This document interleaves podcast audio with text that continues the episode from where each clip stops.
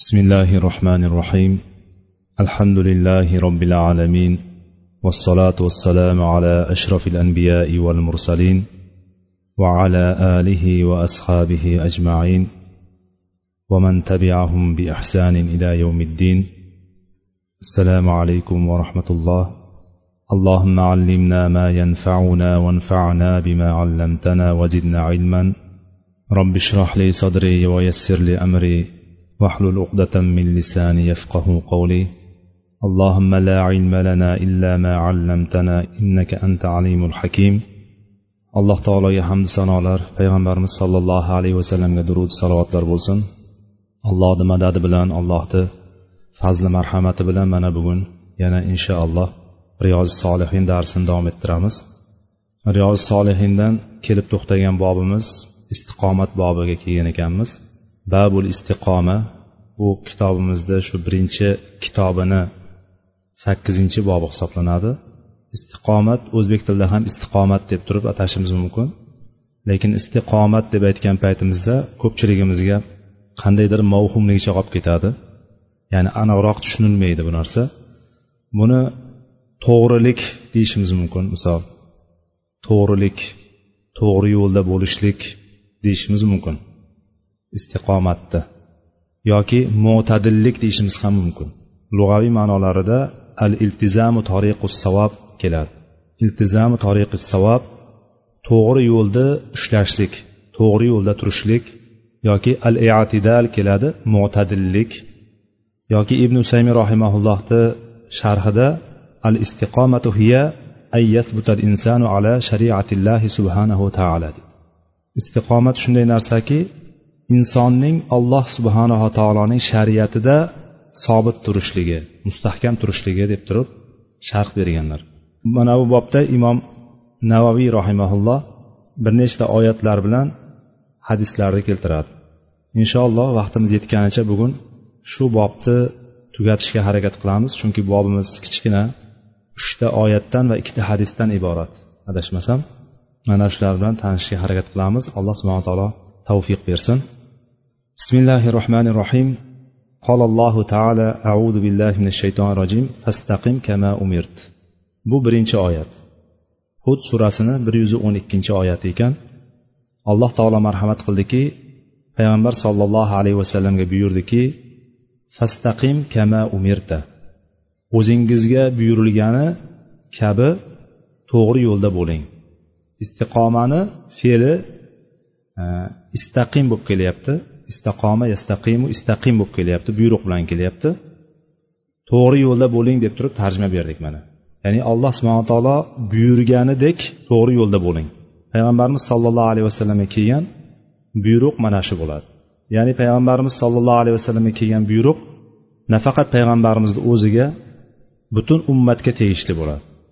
Agar payg'ambarimiz sollallohu alayhi vasallamga xosligi ma'lum bo'lmasa yoki xosligi ochiq ya'ni faqat payg'ambargagina xos degan oyat bilan aytilmagan bo'lsa yoki payg'ambarimiz davrida faqatgina payg'ambarimizga ishora qilingan va payg'ambarimizga berilgan ekanligi ma'lum bo'lmagan joylarda payg'ambarimizga kelgan buyruq yoki payg'ambarimizga kelgan tavsiya yoki payg'ambarimizga kelgan qaytariq butun ummatga tegishli bo'ladi. Mana bu oyat mana shular jumlasidan. Payg'ambarimiz sollallohu alayhi vasallamga alloh taolo aytyapti o'zingizga buyurilganidek to'g'ri yo'lda bo'ling deyapti. Bu amr bu buyruq butun ummatga ham tegishli. Shu jumladan biz uchun ham tegishli. Payg'ambarimiz sollallohu alayhi vasallam bilamiz u kishini to'g'ri yo'lda bo'lganligi ya'ni shariatni olib kelgan kishi shariat jo'natilgan payg'ambarlarni ichida eng oxirgi payg'ambar qilib jo'natilgan va payg'ambarlarni ham sayyidi qilib jo'natilgan payg'ambarimiz sollallohu alayhi vasallamni haq uzra turganligini haqni ustida ekanligiga hech shak shubha qilmaymiz. Lekin alloh taolo payg'ambarimizga fastaqim kana umirta degan buyruqni berdi. Qanday buyurilgan bo'lsangiz xuddi o'shanday to'g'ri yo'lda davom eting deb turib aytdi. Ya'ni bu yerda biz to'g'ri yo'lda bo'lingni biroz davom eting degan narsa bilan o'sha yo'ldan og'mang shu yo'lda davom eting deb turib tarjima bersak tarjima bersak allohu alam yana to'g'ri bo'lsa kerakki chunki payg'ambarimiz sollallohu alayhi vasallamni alloh taolo o'zi to'g'ri yo'lga hidoyatlab qo'ygan. Shuning uchun avvalgi oxirgi gunohlarim alloh taolo mag'firat qilib qo'ygandi payg'ambarimiz. Endi to'g'ri yo'lda bo'ling deyishligi o'sha to'g'ri yo'lda davom eting degani. Mana shu tarjimani bersak vallohu alam to'g'riroq bo'lsa kerak. Mana bu oyatni haqiqatda payg'ambarimizga mana shunday buyruqni kelishligi alloh taoloni haqiqiy talab qilganiday alloh taolo haqiqiy istaganiday bo'lishlik qiyin narsa. Qiyin narsa bo'lgani bilan umuman qilishlik mumkin mumkin emas degani kelib chiqmaydi. Inson harakat qiladi o'sha yo'lda davom etadi. Shuning uchun payg'ambarimiz sallallohu alayhi vasallamga ham buyruq lafzi bilan kelyapti. O'sha sizga qanday kelgan bo'lsa qanday buyurilgan bo'lsa xuddi shunday bo'ling. Shunda shu to'g'ri yo'lda bo'ling. Shu to'g'ri yo'lni ustida sobit bo'ling deb turib alloh taolo buyurdi. Shuning uchun payg'ambarimiz sollallohu alayhi vasallam hadislarda keladi. Abu bakr roziyallohu anhu aytadilarki yo rasululloh siz ham qaribsiz. Soch soqoliga oq tushibdi degan paytida shayyabatni hud deb aytganlar. Yoki boshqa rivoyatlarda shayyabatni hud va ahavatuha deb aytganlar. Yoki ashabuha. Bu hadisda abu bakr roziyallohu anhu payg'ambarimiz sollallohu alayhi vasallamga qarab turib yo rasululloh siz ham qaribsiz.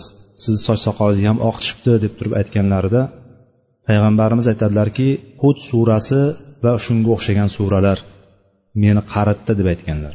Olimlar ulamolar shu hadisni qanday sharh beramiz? deganda mana shu hud surasida shunday bir buyruq borki insonni sochini oqartiradigan insonni tashvishga botiradigan bir oyat bor deb turib ulamolar mana shu oyatni ko'rsatganlar. Fastaqim kama umirta oyatini ulamolar aytishganki payg'ambarimizga sizga qanday buyurilgan bo'lsa xuddi o'shanday istiqomatda bo'ling o'shanday to'g'ri yo'lda bo'ling degan buyruq bu haqiqatda bir og'ir ish bo'lganligi uchun haqiqatda qiyin ish bo'lganligi uchun mana bu narsa payg'ambarimizni sochini oqartirishga ham sabab bo'ldi deb turib aytishadi. Bu albatta e, qat'iy narsa emas ulamolar mana shunday taxmin qilishgan. Chunki payg'ambarimiz sollallohu alayhi vasallam hud surasini butunlay aytganlar. Hud surasi deb aytganlar. Ya'ni hud surasidagi mana shu oyat meni qaritdi demaganlar.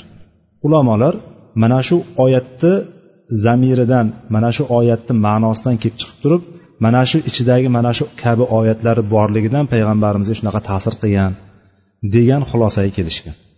U suralarni ichida qiyomat kunini bahs etgan qiyomat kunida haqida gapirgan qiyomat kunini holatini bizga bayon qilgan suralarni payg'ambarimiz sallallohu alayhi vasallam sanab o'tganlar u yerda ya'ni o'shalarni ichida amma surasini voqea surasini mana shunga o'xshagan bir qator suralarni beshta oltita yettitagacha bo'lgan suralarni payg'ambarimiz sallallohu alayhi vasallam sanab o'tganlar ana o'shalar meni sochim soch soqolimni oqartirdi deganlar. Demak istiqomatda bo'lishlik ya'ni shunchaki yengil narsa emas og'ir narsa ekanligi mana shundan kelib chiqadi. Insonga qanday buyurilgan bo'lsa qanday kelgan bo'lsa dinda nimalar kelgan bo'lsa o'sha dindagi kelgan narsani qilishlik o'shanda doimiy shunda turishlik insonda qiyin qiyin bo'lgan ish. Chunki insonni bilamiz har xil holati bo'ladi.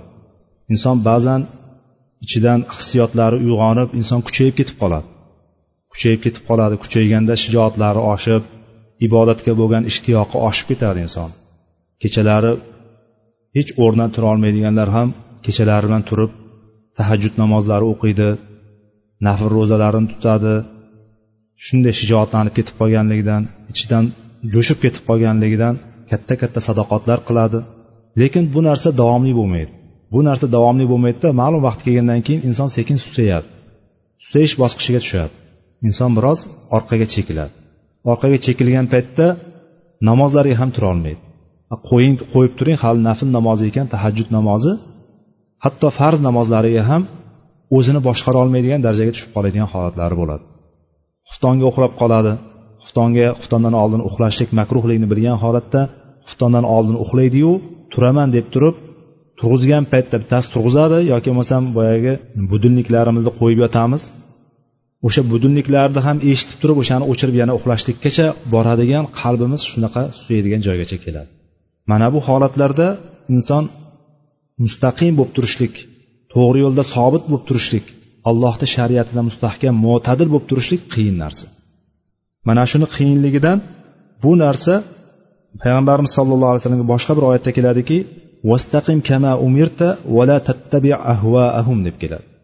Shuro surasini o'n beshinchi oyati ekan. Payg'ambarimiz sollallohu alayhi vasallamga alloh taolo aytdiki sizga buyurilganidek istiqomatda bo'ling. Sizga buyurilganidek to'g'ri yo'lda bo'ling. To'g'ri yo'l ustida shariat ustida sobit turing va ularning ya'ni insonlarning havoyi xohishlariga ergashmang dedi payg'ambarimiz. Insonlarni havoyi xohishiga ergashishligi yoki inson o'zini havoyi nafsiga ergashishligi istiqomatda turishlikdan haq yo'lda turishlikdan insonni boshqa tarafga qarab og'dirib boshqa tarafga qarab yetalab ketib qoladigan narsa ekan. Demak nafsimiz bizni nimani xohlab turgan bo'lsa dinda bo'lmagan narsani biron narsani xohlab turadigan bo'lsa bilaylikki bu narsa bizni istiqomatdan og'diradi. Istiqomatda bo'lishligimizdan bizni mustahkam bo'lishligimizdan dinda sobit bo'lishligimizdan buradigan narsalar nafs havomiz bo'ladi. Birinchi o'rinda. Undan keyin atrofdagi chalg'ituvchi narsalar bor boshqa narsalar bor. Hozirgi kunda bilamiz telefonimiz bor. Telefonda har xil e, facebook deydi whatsapp deydi viber deydi skype deydi. Ya'ni buni ustida insonlar soatlarcha qolib ketishligi bo'lgan bo'lmagan befoyda narsalar bilan shug'ullanishligi bu haqiqatda insonni bir to'g'ri yo'ldan to'g'ri yo'lda mustahkam bo'lishligidan chetlatadigan o'shani uzoqlashtiradigan narsadan bittasi bu. Bundan to'g'ri foydalanayotganlar alhamdulillah bor bu narsa to'g'ri yo'l lekin to'g'ri yo'lda foydalanyapmizku degan narsa bilan inson boshqa tarafga o'tib ketib qolmasligi kerak. To'g'ri yo'lda foydalanayotganlar ozchilik tashkil qiladi ozchilikni tashkil qiladi lekin bu narsalar hozirgi o'zaro whatsapp deymiz yoki viber yoki shunga o'xshagan facebooklarni oladigan bo'lsak bularni ichida to'g'ri yo'lda foydalanayotganlardan ko'ra buni noto'g'ri yo'llarda o'zlarini havoyi xohishlarida ishlatayotganlar qancha bitta ya'ni vallohu alam e, bir o'n foizni ham tashkil qilmasa kerak to'g'ri foydalanayotganlar. Agar o'zimiz ham shu biz ham shuni to'g'ri foydalanyapmiz deb turib o'zimizni ham shuni ichiga qo'shsak agar. Lekin qayoqdagi bekorchi narsalarni bekorchi videolarni bekorchi narsalarni o'sha yerda kelayotgan har xil tashviqotlar bor. Uni ichida nima bor qaramasdan nima ekan deb turib unga qiziqib nima ekan bunga deb qiziqib turib soatlab vaqtimizni o'shanga bag'ishlab qo'yishligi bag'ishlab qo'yayotganligimizni bir kunda hisoblaydigan bo'lsak qancha soat bilan o'tirayotganligimizni lekin qo'limizga shunday olib turib qur'onni olmayotganligimiz kunlarimiz bo'lib qolyapti shunaqa. Sababi nima? Biz istiqomatda turishligimiz kerak. Shu kungacha o'rganib kelganman riyozi solihini shu kungacha mana sakkizinchi bobiga kelibmiz. Birinchi bobi ixlosdan boshlab turib shu kungacha yetib kelganimizda olgan narsalarimiz shu kungacha o'rganib kelgan narsalarimizda turishligimiz haqida gap ketyapti endi. Shu kungacha o'rgandik shuncha narsani o'rgandik. Mana shu narsalarni ustida sobit qadam turadigan bo'lsak mustahkam turadigan bo'lsak mana bunga undan keyingi oyatda kelyaptiki innalladina qolu robbunalloh ثم استقاموا تتنزل عليهم الملائكة ألا تخافوا ولا تحزنوا وأبشروا بالجنة التي كنتم توعدون نحن أولياؤكم في الحياة الدنيا وفي الآخرة ولكم فيها ما تشتهي أنفسكم ولكم فيها ما تدعون nuzulan min g'afurir rahim deb kelyapti oyatda bu muallif rahimaullohni imom navoiy rahimaullohning ikkinchi keltirgan oyati fussilat surasini o'ttiz va o'ttiz ikkinchi oyatlar o'ttiz o'ttiz bir o'ttiz ikkinchi oyatlar. Uchta oyatni bir o'ringa keltirdi. Alloh taolo aytyaptiki albatta robbimiz ollohdir degan innalladina qolu robbunalloh robbimiz ollohdir degan. Summastaqomu so'ngra o'sha yo'lni ustida ya'ni alloh taologa itoat qilishlikka alloh taologa ibodat qilishlikda to'g'ri yo'l ustida sobit bo'lgan kishilar. Istiqomatda bo'lgan kishilar mana bularni sharti ikkita kelyapti. Birinchisi robbunalloh deyishligi robbim olloh deyishligi ya'ni alloh taologa iymon keltirishligi mo'min bo'lishligi uni orqasidan summa bilan kelyapti so'ngra istiqomatda bo'lishligi. Ana o'shalarga tatanazzalu alayhimul malaika farishtalar tushadi ekan. O'shalarni yoniga farishtalar tushadi. Bu insonda har bir holatda ya'ni har bir holat insonni qo'rqadigan insonga qo'rquv olib keladigan holatlar. O'lim paytida qabrda qayta turilgan qiyomat kunida mana bu holatlarda sirot ko'prigini qarshisida turgan paytda o'shanda farishtalar tatanazzalu alayhim malaika orqama ketin bitta bitta tushib aytadi. Farishtalar kelib turib aytadiki o'shalarga kimlarga? Robbinalloh deb turib so'ngra istiqomatda bo'lganlar. Robbim olloh deb turib so'ngra istiqomatda bo'lgan kishilarga kelib turib farishtalar aytar ekanki alla tahofu va la tahzanu. Sizlar qo'rqmanglar. Ya'ni oldinda bo'ladigan ishlardan hozir sizlar qarshi keladigan ishlardan sizlarga nima bo'lishidan qo'rqmanglar hozir. Ya'ni sababi bo'lyapti undan oldin ular iymonda bo'lgan va istiqomatda bo'lganlar. Shularga aytyapti. Oldilaringda hozir bo'ladigan ishlardan qo'rqmanglar. Vala tahzanu. Va o'tgan narsalaringizgacha shu paytgacha dunyo hayotida yashab o'tgan narsalaringga mahzun bo'lmanglar qilgan amallaringga. Va abshiru bil jannati allati kuntum tu'adun va sizlarga va'da qilingan jannat bilan shodlaninglar. Sizlarga va'da qilingan biz bilamiz va'da qilingan narsa biz solih amalni qiladigan bo'lsak alloh taologa qaytadigan bo'lsak alloh taoloni dinida yuradigan bo'lsak bizga bilamizki jannat va'da qilingan. Allohni bir deb faqat alloh taologagina ibodat qilgan kishiga jannat va'da qilinganini bilamiz. Ana o'shalarga aytyaptiki sizlar qo'rqmanglar ham mahzun ham bo'lmanglar va sizlarga va'da qilgan jannatdan shodlaninglar xursand bo'linglar deydi. Farishtalar kelib turib o'sha kishilarga aytib turadi. Bunda ikkita shart bo'lyapti. Mana shu narsalarni inson o'zi o'sha narsalarga erishish uchun o'sha narsalarni haq etishi uchun ikkita narsa kerak bo'lyapti. Birinchisi iymon undan keyin istiqomat. Iymon bo'lmasdan turib istiqomatda bo'lolmaydi inson. Shuning uchun birinchi robbunalloh summastaqomu deyapti inson mo'tadil ekan bu narsa insonni o'rtada turibdi. E, masalan insonni to'g'ri yo'lda yuribdi yaxshi amallarni qiladi lekin musulmon emas. Mumkinmi bu narsa? Mumkin emas. Inson tashqi ko'rinishidan qilayotgan ishlari go'yoki adolatga o'xshab ko'rinishligi. Yoki qilayotgan ishlari insonlarga yaxshilikka o'xshab ko'rinishligi yoki haqiqatda bizni o'lchovimizda yaxshilik bo'lishligi mumkin lekin iymoni bo'lmaydigan bo'lsa u bir pulga qimmat. Hech narsa emas. Chunki birinchi o'rinda amali solih bo'lishligi uchun solih amal bo'lishligini eng asosiy sharti iymon bo'lishligi kerak. Allohga va oxirat kuniga iymon bo'lishligi shart. Amali solihni birinchi sharti allohga iymon keltirishlik. Ikkinchi sharti o'sha solih amal bo'lishligi uchun ikkinchi sharti o'sha narsani shariatga muvofiq bo'lishligi. Payg'ambarimizga ergashishlik ittibo bo'lishligi lozim. Ana o'shandagina o'sha amal solih amal hisoblanadi.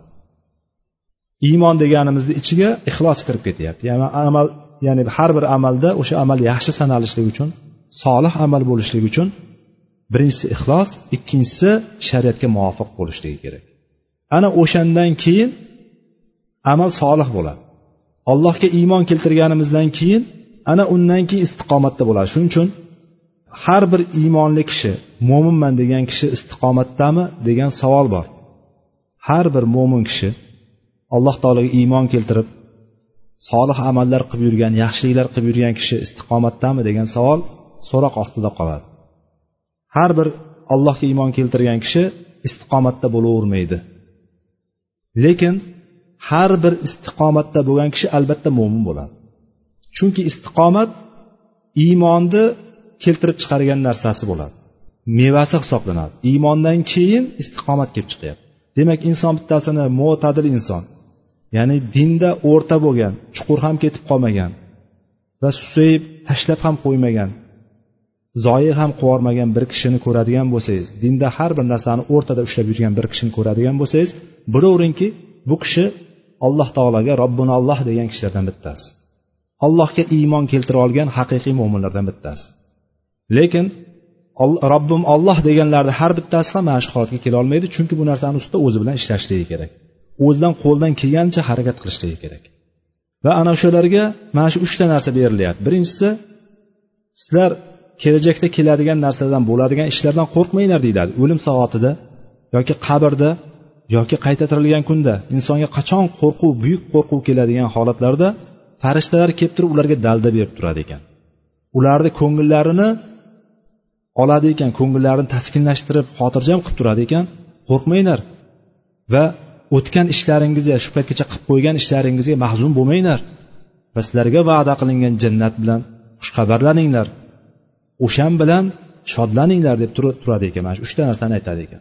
Va orqasidan yana davom etadiki nahnu avliyaukum fil hayati dunya va fil axira biz sizlarga dunyoyi hayotda ham dunyo hayotida ham mana shu dunyoda ham farishtalar bizni yonimizda bo'ladi. Agar biz robbinalloh deb turib so'ngra istiqomatda bo'ladigan bo'lsak biz sizlar dunyo hayotida ham va oxiratda ham ertaga oxiratda ham sizlarning do'stlaringizmiz deydi. Nahnu avliyaukum farishtalar aytyapti biz sizlar do'stlaringizmiz. Ya'ni do'stlari bo'lgan farishtalar do'stlari bo'lgan kishi qanday bir baxtli inson. Uni yomonliklar qarshisidan kelib qoladigan bo'lsa uni yomonliklardan to'sadigan unga yomonliklarni qilmasligiga tavsiya qilib turadigan agar bir balolar musibatlar kelib qoladigan bo'lsa qarshisidan o'sha narsadan saqlab qoladigan bo'lgan kishi qanday bir baxtli inson. Yaxshiliklarga buyurib yaxshiliklarga chaqirib yomonliklardan qaytarib yoki o'sha narsani ko'zimizga ko'rsatadigan qilib biroz bizga turtki berib turgan farishtalar yonimizda turishligini biz his qilishligimiz qanday katta narsa? Dunyo hayotida ham sizlar do'stlaringizmiz va oxiratda ham deyapti. Oxiratda ham yonimizda turadi. Inshaalloh oxiratda ham yonimizda turadi. Mana bu oyatdan ko'ryapsiz bu narsani. Qayta tirilgan kunda insonlar mahsharda turgan paytda eng og'ir kun bo'ladi. Eng katta musibat kuni bo'ladi. Eng og'ir kun bo'ladi. Bir kuni ellik ming yilga cho'zilgan kun bo'ladi. Quyosh boshqa quyoshga almashtirilgan va insonlarga eng yaqin olib kelib qo'yilgan insonlar bir og'iz so'z ham aytolmaydigan qadamlari joyidan siljimaydigan turda turgan paytda farishtalar kelib turib dalda berib turishligi qanday yaxshi bu? Kelib turib siz qo'rqmanglar mahzun bo'lmanglar. Sizlarga va'da qilingan jannat bor. Biz sizlar do'stlaringizmiz deb tursa qanday yaxshi? Va jannatni ta'riflayapti farishtalar davom etyapti. Valakum fiha ma tashtahi anfusukum valakum fiha ma taddaun nuzulan min g'afurir rahim deyapti. U yerda sizlar uchun ya'ni jannatda sizlar uchun ko'ngillaring tusagan narsalar bor. Ko'ngillaring tilagan narsa bor. Hamma narsa bor. Ko'nglingiz nimani tusaydi? Nimani xohlaysiz? Hozir biz dunyoda nimani xohlaydigan bo'lsak xohlagan narsamizni balki o'n foizi yoki besh foizi ham bo'lmayotgandir. Xohlagan narsalarimizni hammasi bo'lavermaydi yuzaga kelavermaydi. Bunday o'tiraylikda men hozir nimani xohlayapman? Shu xohlaganimni qanchasi bo'ldi deb turib bunday o'zimizga savol berib ko'raylik. Xoli qolgan paytimizda. Ichimizdan nimalar chiqyapti? Nimalarni xohlayapmiz? Xoh dunyo bo'lsin xoh din bo'lsin xoh oxirat bo'lsin. Nimalarni xohlayapmiz? Yoki biror bir insonni xohlayotgandirmiz? Nimani xohlayapmiz? O'sha xohlayotgan narsalarimiz nimalari bo'lmayapti nimalari bo'lyapti? Bunday hisoblab ko'rsak allohu alam bir o'n foiz yoki nari borsa yigirma foizdan oshmasa kerak bizni xohlagan narsalarimizni ro'yobga chiqishligida lekin jannat egalariga alloh taolo ko'ngillari nimani istasa ularda muhayyo bo'ladi o'sha joyda o'zida. Hamma narsa yetarli bo'ladi. Istaganda mana qarang tashtahi ma tashtahi anfusukum. Sizlar nafslaringiz ko'ngillaringiz nimani ishtiho qilsa ya'ni nimani xohlasa nimani tushasa hamma narsa bor. U ham yetmagandek oyatda aytadiki alloh taolo sizlarga istagan narsalaring ham bor va vadadayna mazid deydi alloh taolo aytadi. Sizlarga u yerda istagan narsalaring bor xohlagan narsalaring bor. Valadayna mazid va bizni huzurimizda yana ziyodalik ham bor deydi inson aqliga kelmagan insonni xayoliga ham kelmagan. Narsalar bo'ladi aslida jannatda. Ko'z ko'rib quloq eshitmagan hatto insonni xayoliga ham kelmagan narsalar bo'ladi lekin o'sha hamma narsani xohlab bo'lgandan keyin ham nido qiluvchi nido qiladiki valadayna mazid. Va bizni huzurimizda sizlarga yana ziyodalik bor deydi ya'ni xohlagan narsalarimizdan ham tepasida bo'lgan undan ham kattaroq bo'lgan narsa ollohni ko'rishlik ollohni jamoliga qarashlik degan ziyodalik bor alloh taolo bizni o'shanday kishilardan qilsin alloh taolo nasib qilsin. Valakum fiha ma taddaun va u joyda sizlar uchun istagan istagan narsalaringiz bor. Ya'ni birinchisida ko'ngil tusagani va yana qayta aytyaptiki valahum fiha ma taddaun u yerda yana sizlarni xohlagan narsalaring bor deyapti takror kelyapti go'yo. Nuzulan min g'afurir rohim. G'afur bo'lgan marhamati keng bo'lgan rahmatli rahmati keng bo'lgan zot huzurida va g'ofur sizlarni gunohlaringni kechirib yuboradigan va rahim bo'lgan sizlarni darajatlaringni jannatdagi darajalaringni ko'taradigan zotdan bo'lgan bir ziyofat bor deyapti mana shu narsalar alloh taolodan bo'lgan ziyofat. Bizga ko'nglimiz tusagan ko'nglimiz tilagan narsalarni va xohlagan narsalarimizni berishligi nuzulan min g'afurir rohim g'afur va rohim bo'lgan alloh tarafidan bizga berilgan bu ziyofat hisoblanadi. Istiqomatni bu yerda istiqomatda bo'lishlik ya'ni inson mustaqim bo'lishligi to'g'ri yo'lda sobit bo'lishligi mustahkam bo'lishligi din uzra sobit turishligi buni qanday tushunishligimiz mumkin? Bu narsa inson dinda kelgan narsani dinda kelgan narsaga shariatda kelgan narsaga ziyoda qilib yubormaydi narsalarni ko'paytirmaydi uni ustiga qo'shmaydi. Mana shu ham ibodat bo'lsa kerak. Men alloh taologa yaqinlik qilyapman deb turib bidatlarni qilmaydi. Oshirib yubormaydi chegaradan chiqmaydi va nuqsonlikka ham yo'l qo'ymaydi. Ya'ni bu bir narsani qo'shmaganidek olib ham tashlamaydi. Borini bordek qilishlik istiqomat hisoblanyapti e'tibor bersak. Uni o'rnini o'zgartirmaydi yoki o'rnini boshqasiga ham almashtirmaydi ham. Hammasini o'z joyida qiladi.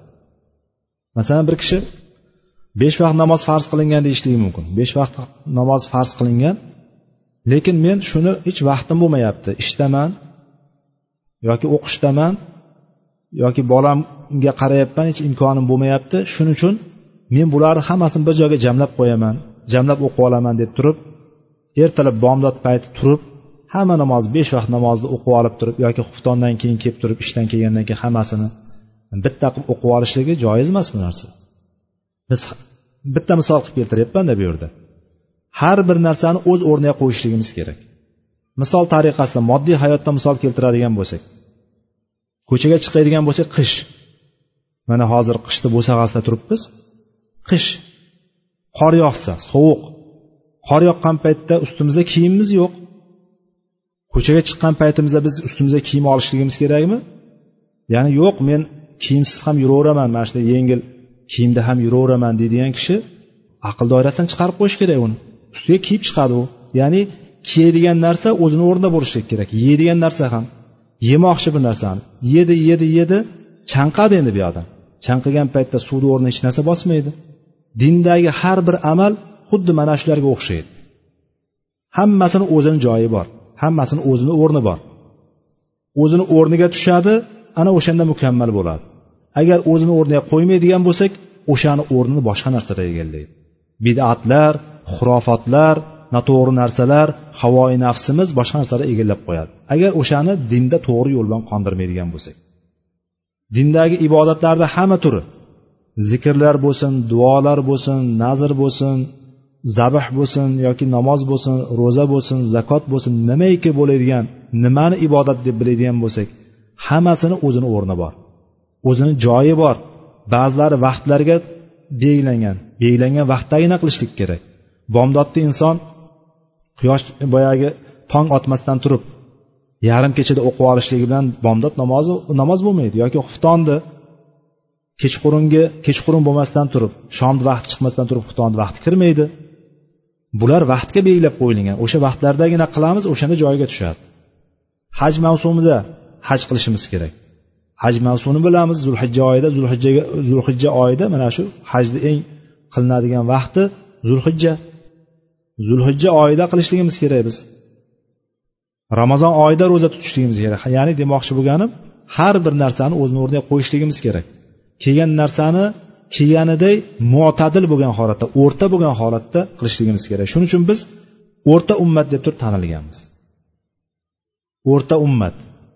Ahli sunna val jamoa ham butun islom ummatini ichida.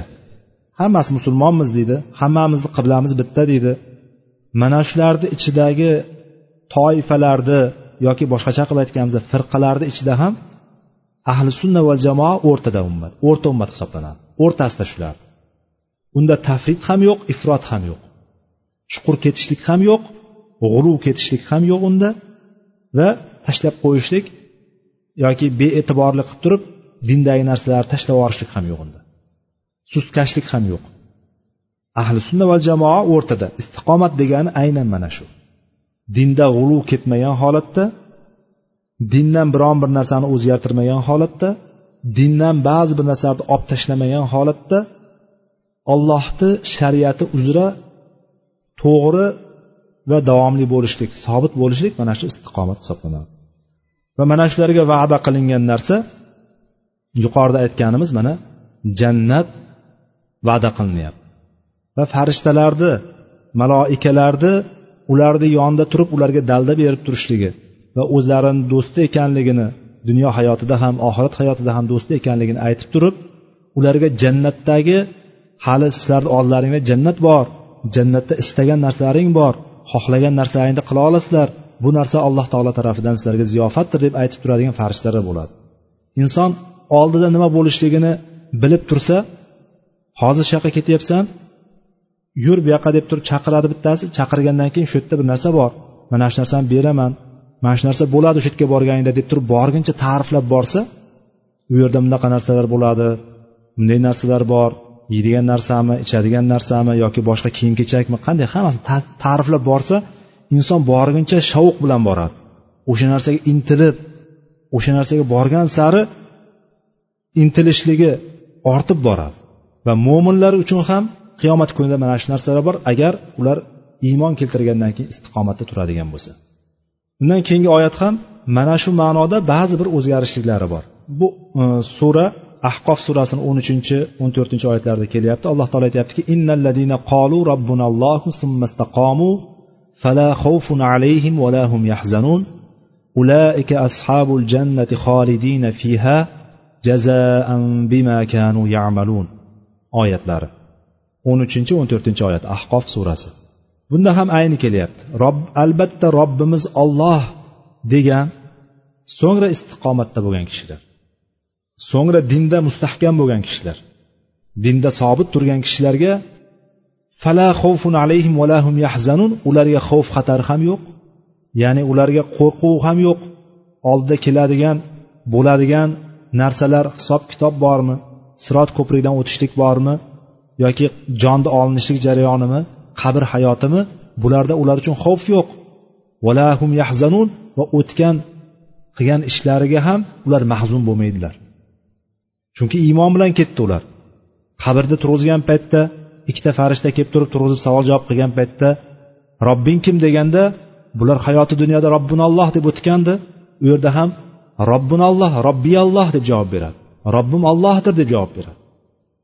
Istiqomatda bo'lganligi bilan seni dining nima? deydigan bo'lsa dinim islom deb turib islomni aytib bera oladi. Payg'ambaring kim deydigan bo'lsa payg'ambarim muhammad sollallohu alayhi vasallam deb ayta oladi qabrda.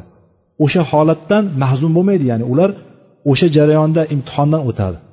O'sha qilib o'tgan ishlaridan dunyo hayotida qilgan amallaridan ular xushnud bo'lib turadi.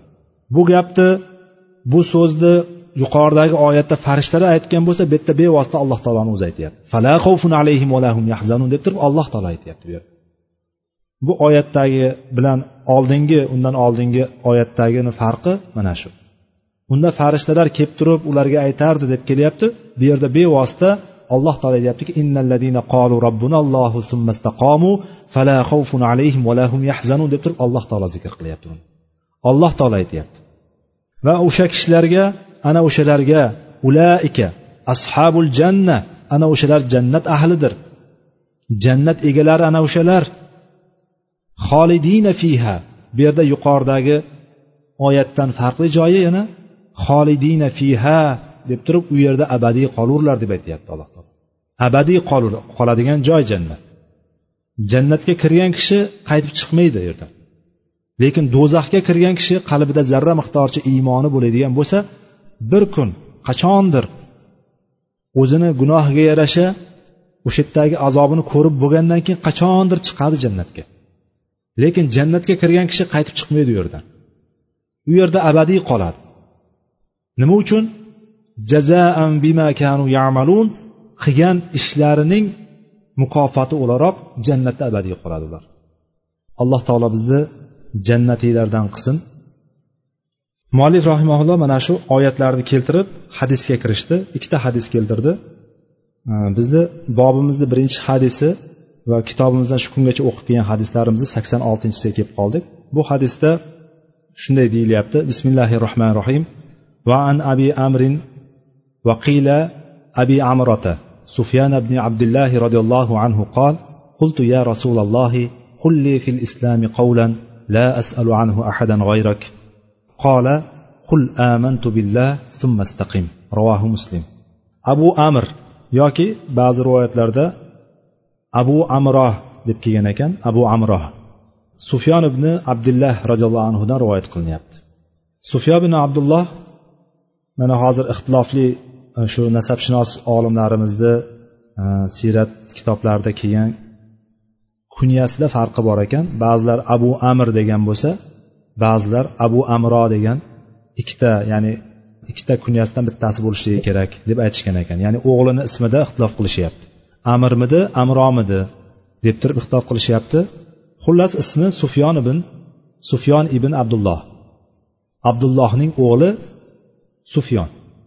Saqif qabilasidan um, bo'lgan payg'ambarimiz sollallohu alayhi vasallamga shu saqif qabilasidan barobar kelib turib o'sha yerdagi kishilar bilan vakillar bilan kelib turib iymon keltirib musulmon bo'lgan kishilardan bittasi payg'ambarimiz sollallohu alayhi vasallamdan beshta hadis rivoyat qilgan ekan. Biz oldindan aytib kelyapmiz hadisni qancha rivoyat qilganiga qarab turib u kishini hadisni yoki sunnatni bilganligi belgilanmaydi deb turib oldindan ta'kidlab kelyapmiz va yana bir bor ta'kidlab ketyapman mana shu yerda bu kishi payg'ambarimiz sallallohu alayhi vasallam beshta hadis rivoyat qilgan. Beshta hadis kam rivoyat qilishga kam rivoyat qilgan bo'lsa ham buni e, hadis bilmagan degan narsani olmaymiz. Bu kishini hadislari mana shu beshta hadisi imom muslimni termiziyni ibn moja dorimiy ahmad ibn hambalni rivoyatlarida hadis kitoblarida kelgan ekan. Bu kishidan o'g'illari shu sufyon ibn abdullohdan o'g'illari rivoyat qilgan ekan. To'rtta o'g'li to'rtta beshta o'g'li bo'lgan ekan. O'sha beshta o'g'li otasidan mana shu hadislarni rivoyat qilib kelgan ekan. Osim abdulloh alqama amir abul hakam degan o'g'illari bu kishidan rivoyat qilib kelgan ekan. Umar roziyallohu anhu davrida umar roziyallohu anhuning xilofat davrida u kishi e, toifda zakot yig'uvchi zakotni zakot mollariga qarovchi kishi e, vazifasida vazifalangan ekan o'sha e, ishni qilgan ekan. Mana shu sahobiy bizga mana shu islomdagi eng asosiy bo'lgan insonni iymon keltirgandan keyin istiqomatda bo'lishligi haqida kelgan hadisni bizga rivoyat qilib beryapti. Alloh undan rozi bo'lsin. Aytdiki payg'ambarimizga ey ollohning rasuli menga bir islomda islomdagi narsalardan bir narsani aytingki bitta so'zni aytingki la asalu anhu ahadan g'ayrak. Ya'ni sizdan keyin hech kimdan so'ramayin uni. O'sha so'z menga yetsin deb turib so'radi. Shunda payg'ambarimiz sollallohu alayhi vasallam aytdilarki qul amantu billah summastaqim dedilar. Ya'ni iymon keltirdim alloh taologa iymon keltirdim deginda so'ngra istiqomatda bo'l dedilar. Imom muslimning rivoyatlari. Ya'ni bunda ham xuddi oyatdagi ko'rinishda. Oyatda nima deb kelgandi? Robbunalloh robbimiz olloh deb aytadi ular va so'ngra istiqomatda bo'ladi deb kelgandi. Bu yerda bo'lsa o'shani iymon kalimasi bilan kelyapti. Qul amantu billah summastaqim deb turib ayt dedilar. Boshqa bir hadisda robbim olloh deginda so'ngra to'g'ri istiqomatda bo'lgin deb turib kelgan hadis ham bor. Mana shu lafzda ham ya'ni oyatdagi aynan oyatdagi lafzida ham kelgan. Robbiyalloh qul robbiyalloh summastaqim e, shaklida ham kelgan rivoyatimiz bor. Bu yerda ya'ni amantu billah deb aytib qo'yishlikni o'zi alloh taologa iymon keltirdim men musulmonman mo'minman deb qo'yishlikni o'zi yetadimi yetmaydimi degan masala ko'tariladi o'rtaga. Ya'ni inson faqat tili bilan aytib qo'yishlik bilan ish bitmaydi. Inson tili bilan men musulmon bo'ldim men musulmonman deyishligi bilan ish bitmaydi. Yoki tili bilan aytmasligi ham ish bitmaydi. Ya'ni bu, bu yerda ikkita narsa jam bo'lishligi kerak. Ham qalbi bilan iqror qilishligi kerak qalbi bilan tasdiqlashligi kerak. Qalbida ya'ni hech qanday shak shubhaga o'rin qolmagan holatda ollohni bor ekanligini allohni yaratuvchi allohni rizq beruvchi allohni hamma ishni boshqarib turuvchi ekanligini alloh taologina haqli ibodatga haqli zot ekanligini bilgan holatda qalbidan iqror qilishligi kerak qalbidan tasdiqlashligi kerak so'ngra tili bilan aytishligi kerak shu narsani. Shu ikkalasidan bittasi tushib qoladigan bo'lsa iymon sahih bo'lmaydi. Iymoni sahih bo'lmaydi iymoni to'g'ri bo'lmaydi uni. Bir kishi men qalbimda bor deyishligi bilan tili bilan aytmaydigan bo'lsa yoki a'zolari bilan o'zi qilinadigan ishlarni qilmaydigan bo'lsa iymoni uni to'g'ri emas aslida sahih emas. Agar bor deyu u musulmonlardan boshqa millatda bo'ladigan bo'lsa u umuman mumkin emas. Qalbimda bor deyishlik bilan ish bitmaydi. Chunki payg'ambarimiz sollallohu alayhi vasallam aytganlarki ya ayyuhannas qulu la ilaha illalloh tuflihu deganlar. Bu hadisni ibn huzayma o'zini sahihlarida chiqargan ibn hibbon hokim ham mustadraklarida chiqargan ekan. Bu hadisda payg'ambarimiz sollallohu alayhi vasallam ey insonlar ey odamlar la ilaha illalloh ollohdan o'zga barhaq iloh yo'q. Ya'ni allohdan o'zga ibodatga haqli bo'lgan zot yo'q deb aytinglarda aytinglar deb kelyapti. Aytinglar agar aytadigan bo'lsalaring tuflihu ana o'shanda najot topasizlar dedi ya'ni do'zaxdan najot topasizlar. Jannatga kirasizlar deb turib payg'ambarimiz sallallohu alayhi vasallam aytganlar ya'ni inson agar boshqa millatdan musulmon oilada tug'ilmagan boshqa millat bo'ladigan bo'lsa albatta la ilaha illallohni aytishligi shart. La ilaha illalloh muhammadu rasululloh deyishligi yoki shahodat kalimasini. Ashhadu an la ilaha illalloh va ashhadu anna muhammadan rasululloh deb aytishligi shart. Qalbimda bor degani bilan dilimda bor degani bilan ish chiqmaydi. Bitmaydi ish. Qalbi bilan tili ya'ni dili bilan tili bir xil bo'lishligi kerak. Ikkalasi baravar ishtirok etadigan bo'lsa qalbi bilan iqror etib turib tasdiqlab turib ana undan keyin tili bilan ollohdan o'ziga iloh yo'q deb turib aytadigan bo'lsa allohga iymon keltirdim deydigan bo'lsa ana bu kishini iymoni sahih bo'ladi to'g'ri bo'ladi. Ana undan keyin undan talab qilinadigan narsa istiqomat. Ana endi dinda mustaqim bo'lishligi kerak. Dinda mustaqim bo'lishligini mukofotlarini yuqorida biz aytib o'tdik.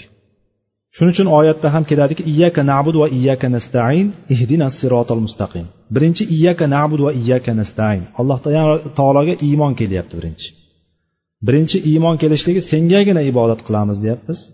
Sengagina ibodat qilamiz va sendangina madad so'raymiz deb turib aytyapmiz biz. Fotiha surasida har kun bir necha bor namozlarimizda har rakatida o'qiydiganimiz fotiha surasida kelyaptiki iyyaka na'budu va iyyaka nastain. Sengagina ibodat qilamiz. Bu tavhid bu. Bu iymon bu. Va sendangina madad so'raymiz bu ham e'tiqodimizni asli bo'lgan narsa. Allohgagina suyanishlik. Biz yuqoridagi tavakkul bobida yaqin bobida bu narsalarni o'tdik. Shunday degandan keyin kelyaptiki ihdina sirotol mustaqim.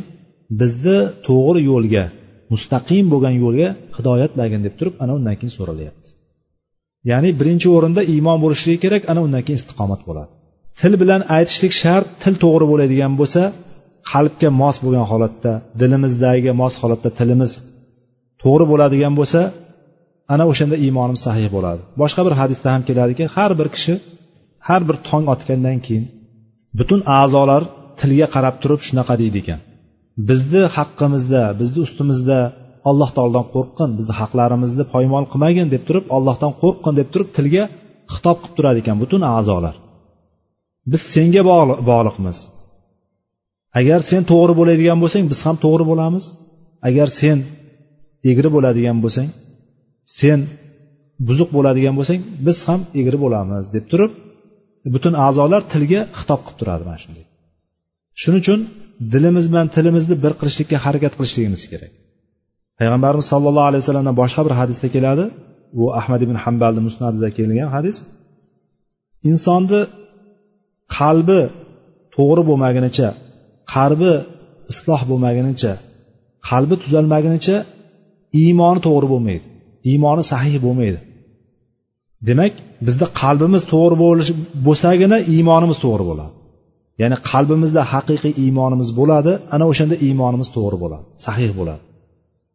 Qalbimizni to'g'ri bo'lishligi ikkinchi bir narsaga ham bog'liq bo'lyapti. Ikkinchi bir narsa tili to'g'ri bo'lmagunicha qalbi to'g'ri bo'lmaydi deganlar payg'ambarimiz. Mana shu hadis ikkinchi yar demak tilimiz bilan qalbimizni o'rtasida qandaydir bir bog'liq borligini mana shu joydan bilyapmizki yuqorida ham qul amantu billah summastaqim dedilar payg'ambar sallallohu alayhi vasallam shunday degin deb turib aytyapti bu deyishlik tilda vazifasi nutq qilishlik tilda vazifasi alloh taolo bizni istiqomatda bo'luvchilardan qilsin sakson yettinchi hadisda abu hurayra roziyallohu anhu rivoyat qilyapti qola qola rasululloh sollallohu alayhi vasallam qoribu va saddidu واعلموا أنه لن ينجو أحد منكم بعمله قالوا ولا أنت يا رسول الله قال ولا أنا إلا أن يتغمدني الله برحمة منه وفضل رواه مسلم abu hurayra roziyallohu anhudan rivoyat qilinyapti payg'ambarimiz sollallohu alayhi vasallam shunday dedilar qoribu va saddidu qoribuni mo'tadil bo'linglar yoki istiqomatda bo'linglar deb turib tarjima qilishligimiz mumkin qoribu mo'tadil bo'linglar g'uluvga ham ketmanglar va kamchilik ham qilmanglar ya'ni o'sha nuqsonga ham yo'l qo'ymanglar Qo'llaringdan kelganicha kuchlaring yetganicha to'g'ri yo'lda bo'linglar. Va saddidu istiqomatda bo'linglar. To'g'ri yo'lni qasd qilinglar. Va bilinglarki birortangiz amali bilan najot topa olmaydi dedilar payg'ambarimiz. Birortangiz amali bilan najot topa olmaydi ya'ni do'zaxdan qutulib jannatga kira olmaydi degani bu. Hech kim qilayotgan amali bilan jannatga kira olmaydi. Ya'ni bu degani jannatga kira olmaydi amal amal qilish kerak emas degani emas o'sha amalga o'sha amalni mukofoti yoki amalni evazi o'laroq jannatga kira olmaydi. Shunda sahobalar ajablanishdida yo rasululloh siz hammi dedi. Ya'ni siz ham jannatga shunday kira olmaysizmi? Amalingiz bilan kira olmaysizmi? degan paytda ya'ni payg'ambar sollallohu alayhi vasallamni amallaridek amal qilishlik har kimga ham nasib qilmaydi qilolmaydi ham. Kunida palon rakat piston rakat o'qib yurgan ming rakat deb o'qib yurgan yoki palon rakat o'qib yurganlar hammasi o'zlaricha bir narsa qilib yurishibdi. Lekin payg'ambar sollallohu alayhi vasallamni qilgan ishlarini u kishini ibodatlari haqida bir o'ylaydigan bo'lsak yoki bir o'sha hadislarni o'qiydigan bo'lsak inson hijolat bo'lib ketib qoladi o'zidan. Payg'ambarimiz sollallohu alayhi vasallam kechalari shu qiyomda turardilar namozda qiyomda turardilar. Hatto tavarot qodama deb keladi oyoqlari shishib yorilib ketardi. Oyoqlari shishib yorilib ketadigan darajada uzoq turardilar. Ya yo rasululloh buncha o'zingizni qiynamasangiz. Sizni avvaliy oxir gunohlaringiz kechirib qo'yilganku. Muncha o'zingizni qiynaysiz degan paytda shukur qiluvchi banda bo'lmaymi deganlar payg'ambarimiz ya'ni u kishini holatlarini bir o'ylab ko'radigan bo'lsak u kishini ibodatlarini bir nazar soladigan bo'lsak haqiqatda o'zimizdan hijolat bo'lib ketib qolamiz. Biz nimani umid qilib yuribmiz? Avvaliy oxir gunohlari kechirib qo'ygan kishi zot shukur qiluvchi banda bo'lmayinmi degan gaplari bizga yetarli emasmi? Mana bu o'rinda ham. Sahobalar bilardi payg'ambarimiz sollallohu alayhi vasallamni qanchalik amalda mustahkam ekanligini. Bir amalni qilsa o'sha amalni hech ham tark qilmaslik ekan tark qilmasliklarini yaxshi bilardilar. Kechalardagi tilovatlari kechadagi namozlari u kishini payg'ambar ekanliklari qilib turgan da'vatlari bularni bilib turib shuncha da'vat yo'lida kelgan ozorlarini bilgan holatlarida yo rasululloh siz hammi? deb so'rashdi. Ya'ni siz ham amalingiz bilan jannatga kira olmaysizmi? Do'zaxdan najot topolmaysizmi deb so'radi. Shunda payg'ambarimiz aytdilarki ha men ham dedilar. Men ham jannatga kira olmayman amalim bilan jannatga kira olmayman do'zaxdan qutula olmayman. Faqat bitta sharti bor. Illo alloh taolo meni o'zining huzuridan bo'lgan birohmatin minhu va fodlin ya'ni o'zining huzuridan bo'lgan rahmat bilan va o'zining huzuridan bo'lgan bir fazil bilan meni burkab tashlasagina o'rab tashlasagina men jannatga kira olaman men do'zaxdan qutula olaman deb turib aytdilar payg'ambarimiz sollallohu alayhi vasallam. Ya'ni bundan ko'rinadiki hech kim amali bilan jannatga kira olmaydi ekan. Amali bilan jannatga kira olmaydi bu amali bilan jannatga kira olmaydi deganimizni biz ozgina to'g'riroq to'g'ri tushunishlikka harakat qilishligimiz kerak. To'g'ri tushunishlikka harakat qilishligimiz bizni mana shu qilib turgan solih amallarimiz allohni rahmatini bizga allohni rahmatiga sazovor qiladi allohni rahmatiga tushishligimiz allohni rahmatini bizga nasib qiladi va allohni rahmati bilan biz jannatga kiramiz. Mana shunaqa bog'liqligi bor. Lekin amal bevosita bizni jannatga olib kira olmaydi jannatga bizni olib kiradigan do'zaxdan qutultiradigan narsa allohni rahmati va fazli. Mana shu narsani farqini bilib olishligimiz kerak bunga mana shu dalil bor. Ya'ni payg'ambarimiz hatto men ham kirolmayman yatag'ommada degani tag'ommada o'zi bir narsani mana imom e, navoiy rahimaulloh hadisni davomida ya'ni hadis pastida sharh berib qo'yibdi. Yatag'ommadani yulbisuni deb yozibdi. Yulbisuni yulbisuni va yasturuni. Ya'ni alloh taolo meni rahmati bilan rahmatini kiydirib qo'ysa kiygizsa ya'ni rahmati bilan o'rab qo'ysa kiygizishlik ma'nosi kelyapti. Insonga bir narsa kiygizadigan bo'lsa butun ustidan yuvib qo'ysa ustidan bunday tashlab qo'ysa butun hamma joyini o'rab qo'yadigan darajada. Alloh taolo rahmati va fazli o'zini huzurida bo'lgan rahmati bilan fazli bilan meni o'rab tashlasa o'shan bilan burkasagina men jannatga kira olaman dedilar payg'ambar sollallohu alayhi vasallam. Ya'ni istiqomatni alloh taoloni toatida davomli bo'lishlik mustahkam bo'lishlik kelib chiqadi. Mana bu hadisdan ko'rinadiki bu payg'ambarimiz sollallohu alayhi vasallamni javomiul kalim ya'ni butun oz so'zlar bilan qisqa so'zlar bilan katta katta ma'nolarni o'ziga ichiga olib ketadigan e, ma'nolarni qamrab oladigan qisqa so'zlarni aytish aytishligi berilganligiga mana bu hadis ham dalil bo'ladi. Payg'ambarimiz sollallohu alayhi vasallam gaki alloh taoloni rahmati bo'lmasa jannatga kira olmasligi bu yerda mana shu kelayotgan undan oldingisi buyruq kelyapti shunga. Buni tepasiga qaraydigan bo'lsak qoribu qoribuni al qasdulladi la g'uluva fihi va la taqsiro deb turib imom navaviy sharh bergan ekan. Aytyaptilarki qoribu ya'ni sizlar qasd qilinglar shunday bir narsani qasd qilinglarki dinda shunaqa bir amal qilinglarki la g'uluva fihi va la taqsiro dinda g'ulu ham ketmanglar. Dinda qosirlik ham qilmanglar. Dinda kamchilikka ham yo'l qo'ymanglar. Nuqsonli ham bo'lmanglar.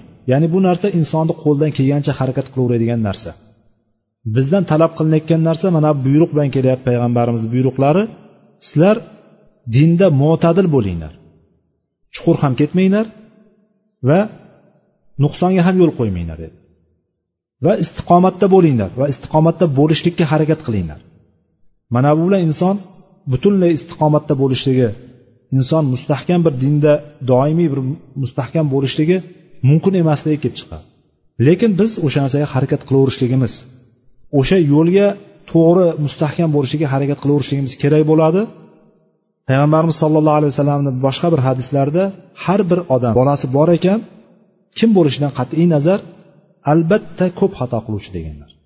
Xattoun degan ko'p xato qiluvchi inson bilib bilmay qilib qo'yadi. Ba'zan bilib qiladi xatoni. Lekin bir qiziq joyi inson ba'zan o'sha narsani xato ekanligini biladida qiladi. Gunoh ekanligidan biladida qiladi. Aksariyatimizni holatlarimiz bilgan kishilarni holatlari o'sha joyga borib to'xtaydi. Lekin mo'minlarni sifati emasmidiki bilgan holatlarda gunohlar davom etmaslik endi bilib turgan gunoh bilan bilmasdan qilib qo'ygan gunohni o'rtasida qanday bir e, farqli bo'lishi mumkin alloh taoloni kechirishligi jihatidan mana bu narsani biroz o'ylashligimiz kerak. Mana bu narsani biroz tafakkur qilishligimiz kerak.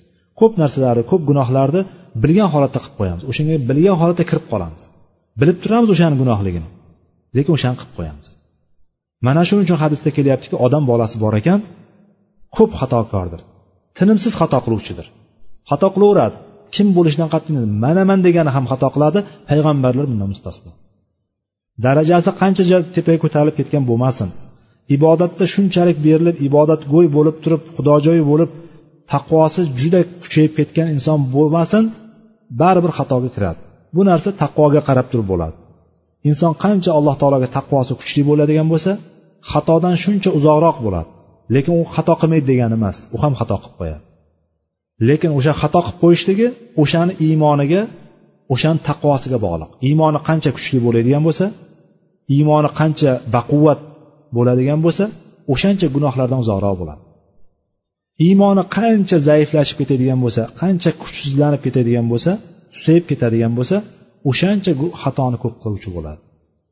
Mana shularni ichida xoh taqvoli bo'lsin xoh boyagi iymoni zaif kishi bo'lsin iymoni susaygan bir kishi bo'lsin o'sha qiluvchi xato ko'p xato qiluvchilarni eng yaxshilari ko'p tavba qiluvchilar deganlar payg'ambarimiz sallallohu alayhi vasallam.